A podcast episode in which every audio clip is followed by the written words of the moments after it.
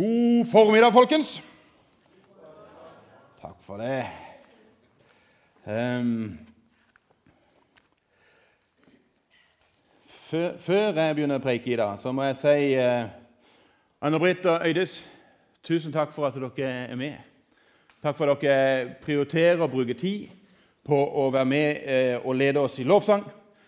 Uh, Tristan, fantastisk å høre deg spille.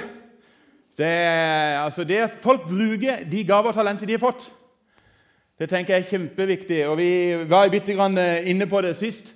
Eh, dette her med å være med og bruke de gavene vi har. Eh, for det at vi er midt i en sånn høstsak. En ting som vi har prata mye om når vi var på Menighetsviken, på PMK-camp nede på Vegertun, som gjorde at vi hadde masse folk oppe som holdt noen vitnesbyrd om hva Connect-gruppe har betydd for dem.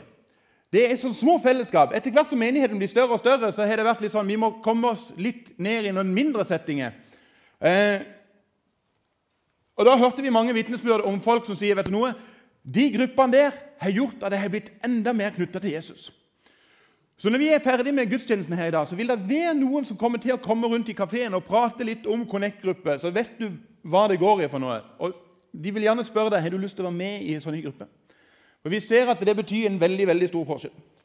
Og Spesielt når vi er midt i en sånn en høst som vi starter nå. Og så Hvis du var her siste søndag, så, så eh, fikk du med deg at vi eh, hadde dette her verset her som et sånn et eh, bakgrunnsteppe. Og Det skal vi fortsette med. Jeg har ikke tenkt å slippe det verset der. I Lukas 10, 2 så stender det, og han sa til dem Høsten er stor, men arbeiderne få. Be derfor høstens herre sende ut arbeidere for å høste inn grøden hans. Skal vi be litt? Jesus, jeg takker deg for det at eh, vi kan få lov til å samle oss rundt ditt ord. Jeg takker deg for at vi kan få lov til å samles på denne måten som menighet. Jeg takker deg for det at vi kan få lov til å lovsynge deg og ære deg. Og Jeg ber deg, Jesus, om at eh, du skal få lov til å fortsette å fylle dette rommet med din ånd. Og La oss være åpne for at ditt ord skal berøre oss. Det ber jeg om i Jesu navn. Amen. Siden av og til så er det sånn at Vi er jo ikke alltid på alle gudstjenester, så nå kommer en sånn en liten repeat. Ifra hva det vi hadde på en måte sist søndag, så ikke du sitter her og tenker hva i all verden var det du prata om for det på sist søndag var, var veldig bra. Eh, vi prata litt ut ifra en kar som heter Nehemja, eh, som stender om han i Gamle Testamentet, der han gjør noen valg.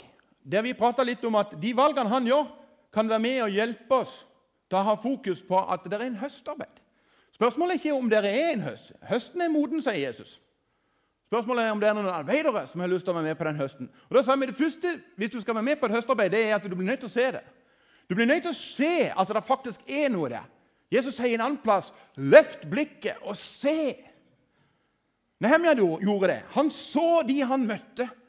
Ikke bare sånn overfladisk, men han som så de skikkelig, og så spurte han litt sånn 'Åssen har du det egentlig?'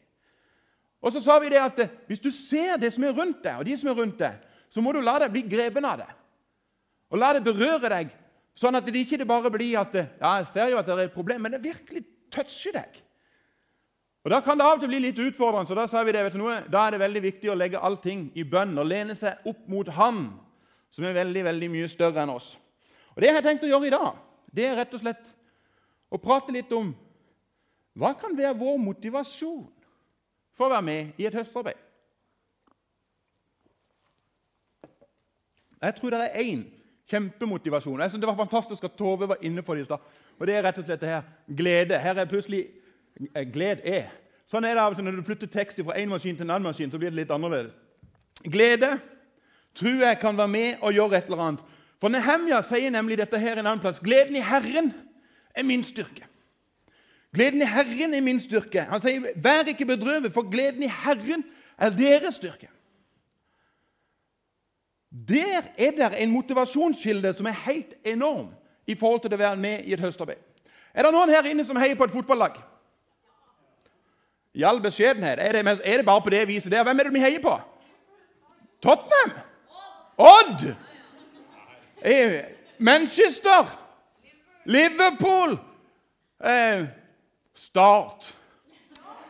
Heltene fra Sørlandet ja, eh, Dette går jo ut på nett. Vi kan jo ikke legge ut dette her på nett. Men Det er jo ingenting som får en mann til å be så mye som at når et lag ligger i bunnen av en divisjon. Det, det må Jeg si, jeg har jo aldri bedt så mye for start i hele mitt liv. Eh, men det er noe rart med det der med fotball. At du får et sånn enorm engasjement når du plutselig har en eller annen sånn lidenskap. Der du bare Altså, Jeg har sett fotballgale folk, og jeg har av og til vært litt av det sjøl òg, der du bare idet det målet kommer, to minutter på overtid som du bare aldri hadde drømt om skulle komme, og du bare, ditt lag vinner, da er det et eller annet som eksploderer. Det trenger ikke være fotball. Det handler av og til om helt andre ting som er hobbyinteresse. Jeg husker jeg var på, i, i ei bygd eh, oppe på, på Sørlandet, sånn skikkelig bygd. Og, og, og så tok jeg jo eksempel med fotball. Fotballen hadde jo ikke kommet til den bygda ennå. Så jeg sier, 'Hva i verden er dere interessert i?' 'Snøscooter'. Så jeg med som, og Da var det snøscooter med dobbeltbelte og enkeltbelte. og Jeg tenkte, jeg skjønte ingenting av det, men jeg skjønte at det var et enormt engasjement for det. Eh, Sjøl har jeg drevet bitte lite grann med, med, med, med, fluefiske. Ikke mye. Men jeg husker når jeg fikk den første laksen på kroken i, den, i det scenen så, Og du bare kjenner at nå dirrer det. Og du er bare helt propell for å få den fisken på land. Og jeg husker når jeg endelig klarte å få den på land, så var det en som kjenner meg, og hvor jeg jobba henne, som en som ikke pleier å gå i kirka. Eh, men han kan alle terrormann, som ofte blir sagt i kirka. Han klarte å hove denne laksen, tosken, ja, laksen inn. Og Så løfter han denne laksen opp til meg, og så kikker han på meg og så sier han, 'Tore, nå vet du hva det vil si å være nyfrelst.' Jeg tenkte du har skjønt noe her, men ikke skjønt alt. Men det er et eller annet når du har en hobby eller en eller annen lidenskap, så fylles det med en glede som er helt enorm. Og Ofte så kan du få folk til å prate i det vide og det breie. Jeg har en kompis av meg som elsker traktorpulling. Altså De disse den svære traktoren som trekker vogner. Og Han kan prate om motor og hestekrefter. Jeg skjønner ingenting av det han prater om, men han prater som en foss. Så det er interessant. Av og til når jeg treffer andre folk, og jeg spør dem av og til du, det der med å være kristen, åssen opplever du det? Og så blir det helt stille. Da vet en liksom ikke helt hva han skal si for noe. Da blir det litt sånn Ja, det er jo altså eh, Det er jo faktisk forska på det. Går du ut av en fotballkamp, så prater alle om fotballkampen. Går du ut av en opera, så snakker alle om hva som skjedde på operaen. Går du på en kino, så snakker alle hva de snakker, hadde opplevd på den kinoen. Går du ut av en gudstjeneste, så snakker alle om hva de hadde til middag i går. Hva er greia? Og Jeg tror noe av det handler om denne gleden. Jeg har spurt meg sjøl hvor sitter gleden henne. Sitter den i hjertet, eller er det bare sånn en tanke du har her oppe? Er det noe som virkelig får lov til å berøre hjertet ditt? Eller er det bare sånn Ja, jeg har jo en sånn billett til himmelen, og det er godt å være en sånn at det har meg som en sånn en sikkerhetssak her. Men det er ikke noe hjerteforhold. Jeg er litt glad for at Sissel akkurat er på søndagsskolen akkurat nå. Jeg tok med et bilde av henne. Litt av en av de få gode blinkskuddene du har fått. Du kan tenke deg hvordan jeg har det når jeg våkner på morgenen. Er det mulig? Det... Og Forholdet vårt det har jo vært opp og ned gjennom livet, men det er et hjerteforhold. Altså, det er jo ikke sånn at jeg går rundt og tenker litt sånn Ja, det, jeg er jo egentlig litt glad i henne der. Nei, vet du, det er et hjertesak som gjør at det er et eller annet som pulserer, som gjør at når hun kommer gående, så kan jeg enda etter fem Vi har faktisk akkurat hatt 25 års bryllupsdag. Og Hvis du lurer på hvor pastoren og pastorkona er henne de neste 14 dagene, så kan jeg si det sånn at vi er bortreist på sølvbryllupstur i 14 dager. Vi har fått lov av styret til å ta en ferie midt på høsten, så vi er bortreist i 14 dager. Jeg er ikke tilgjengelig for noen i menigheten i de 14 dagene. Eh, nå kommer jeg helt ut av det, men det blir en fin tur. Det var det med hun der, der ja. At, eh, at, at eh, en har et hjerteforhold som, som, gjør at det er et eller annet som berører seg på innsida, som gjør at det, det der, der pulserer sånn at etter 25 år så kan hun fortsatt komme gående. Dette er ikke tull, altså. Og så kjenner jeg bare Wow! Der kommer dama mi. Det er ikke sånn alltid, altså. Det hender av og til det er mer sånn 'Nå kommer dama mi.' Men jeg har valgt og sagt at jeg elsker henne. Det er et valg jeg har gjort. Elsker er et verb. Det er et valg jeg kan gjøre. Og jeg har sagt noe, jeg elsker og jeg vil og fortsette å elske henne. Og så vil jeg gjøre det samme som jeg har gjort med henne. Det er at jeg vil flytte òg det som handler med glede, vil jeg flytte fra her og ned i hjertet. Gleden Gled dere alltid i Herren. Igjen vil jeg si gled dere. Stender det i Filipperne 4,4. Gled dere. Gled dere. Igjen vil jeg si gled dere. Filipperbrevet har blitt kalt et sånn gledesbrev. Og Det er et eller annet som skjer når du fylles med glede, som gjør at det, det er et eller annet som begynner å pulsere. Av og til så treffer jeg noen mennesker som sier til meg Tore, jeg syns kristenlivet er vanskelig. Jeg syns det er slitsomt. Jeg syns det er tungt å være en kristen. Og Da spør jeg de av og til hvor er fokuset ditt henne? Hva er det du har fokus på i din relasjon til Jesus? For noen år tilbake, sier han, så var jeg så privilegert å være en del tynnere enn det jeg er nå, og hadde litt kortere hår. Og Så var vi en gjeng med gutter som var på, eh, i et badeland i den tida badeland det besto egentlig bare av et basseng på 25 meter med to stupebrett. Eh, og, og, som den atleten jeg var, fortsatt er, på bunnen Så fant jeg ut at jeg skulle eh, ta et skikkelig skikkelig stup. Jeg gikk ut på et stupebrett til én meters høyde. Og jeg tenkte nå skal jeg virkelig vise hele gjengen som er i dette bassenget her, at her er dere en som virkelig kan det. Og jeg gikk helt ut på kanten, og jeg begynte virkelig å gi litt fart. Og jeg litt, fikk litt høyde på dette her. Og jeg bare kjente at dette her begynner å bli veldig bra. Og ikke sant, Jeg skal avslutte. Dere vet hvordan en sånn svalestubbe er? Du bare kommer ut der, og så bare fint nedover. Og så er det bare det at Etter hvert som jeg holder på med dette, her, så, så kjenner jeg bare at i dag har jeg draget på dette med å hoppe. Jeg begynner virkelig å komme høyt. altså. Dette her begynner å bli, ta seg på. altså.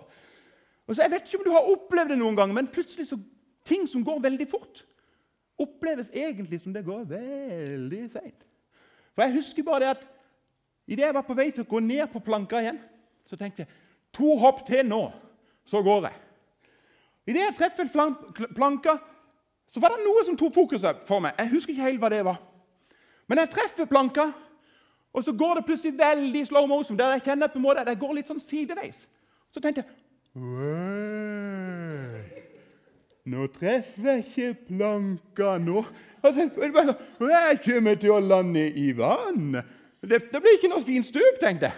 Men jeg var kommet helt opp. Jeg var høyt oppe. Jeg trodde ikke, jeg var høyt oppe. Da begynner jeg å skjønne det at Oi, jeg treffer ikke vann. Jeg treffer land. Og det, dette er ikke tull engang, altså. Hvis dette er bassengkanten, så eh, så, så, så, treffer både land og vann. Jeg treffer med én fot på vann, land og én fot ned i vann. Og Jeg må være ærlig, jeg vet ikke om det er lov til å si det på en talerstol, men min fuball traff en sånn en kant. Og det som fantes av nervetråder i den fuballen, sa veldig ifra at dette gjør veldig vondt.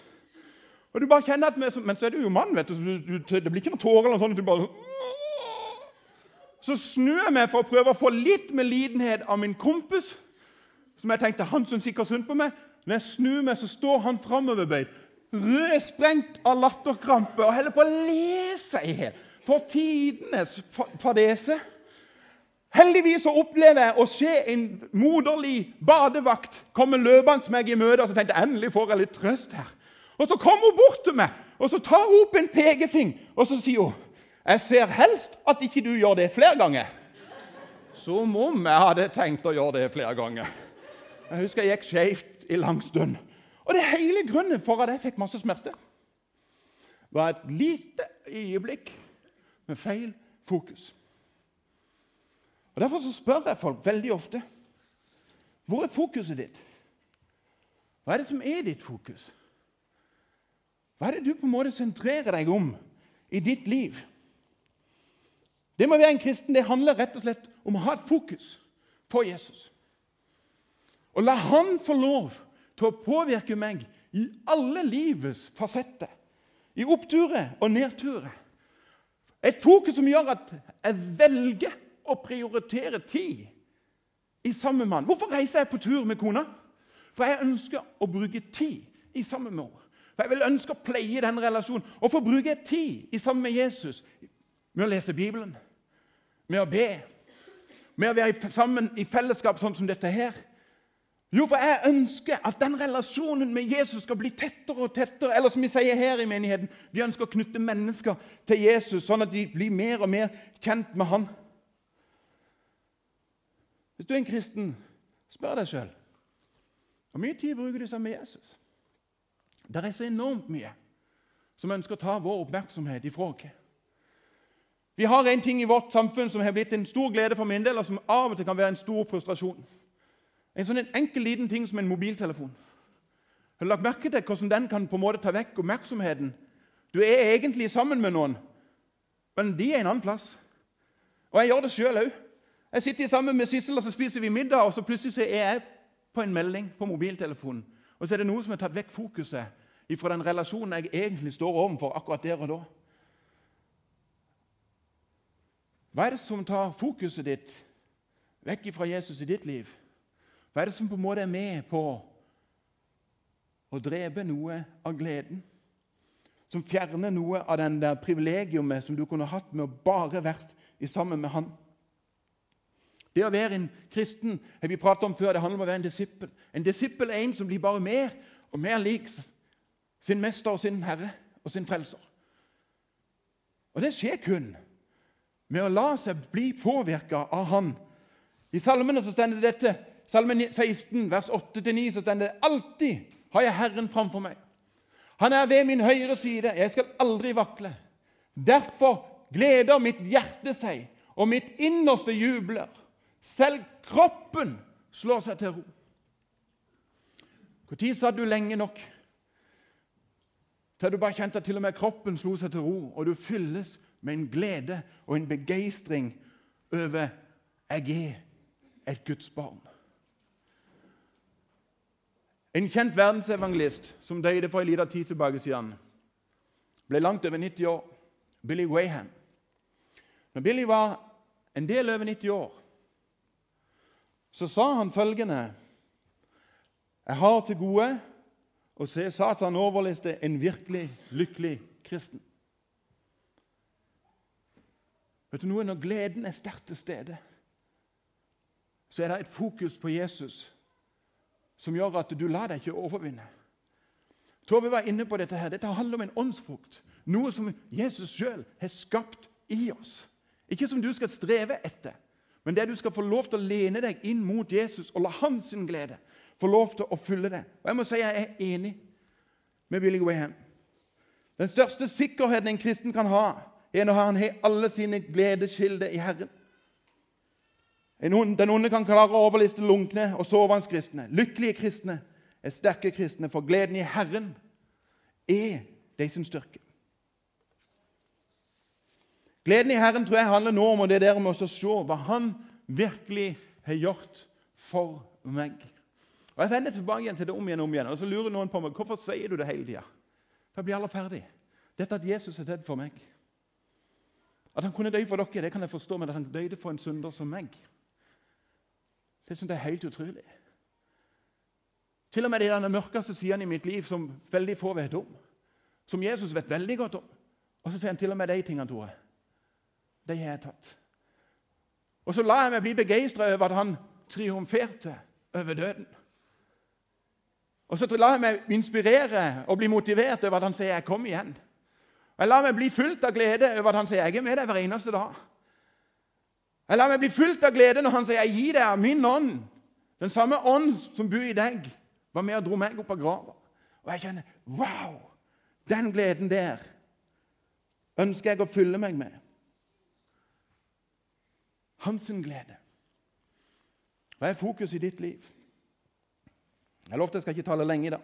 Vi går mot avslutning. Gleden i Herren er min styrke. Og Den gleden der gjør at en kjemper mot urett i verden. Den gleden der gjør at man stender opp for det ufødte liv i mammas mage. Den gleden der gjør at en fighter for ekteskapet, koste hva det koste vil, for det er Gud som er innstifta det. Den gleden der er det som gjør at vi rekker ut ei hånd til de menneskene som er rundt oss, som vi ser trenger å bli sett og bli hørt. Den gleden i Herren er det som gjør at vi går ut i et høstarbeid og ser at høsten er moden. Det er den gleden der som driver oss til å så virkelig gå inn for å vinne nye mennesker for Jesus. Jeg har satt Jesus som sentrum i mitt liv, jeg ønsker at han skal påvirke alle mine livets fasetter. Uansett hvor jeg er henne, om det handler om ekteskap, om det handler om familie, om det handler om relasjon med naboer, om det handler om relasjon med jobb, med arbeidskollegaer, med skole, samfunnet rundt meg Det springer ut ifra at Jesus den er i sentrum av livet mitt. Derfor er jeg utrolig takknemlig for at vi i dag skal få lov til å feire nadværet sammen. For nadværen drar oss inn til gledespunktet framfor noen. Det innerste kjernen i evangelium. Evangelium betyr de gode nyhetene. At Jesus døde for meg, oppsto for meg. Og han ønsker å fylle hver enkelt med sin glede. Han ønsker å hjelpe oss til å holde fokus på han. Han ønsker at vi hele tida har en større relasjon til han. Og Det fantastiske er at ikke han bare ønsker at vi skal glede oss.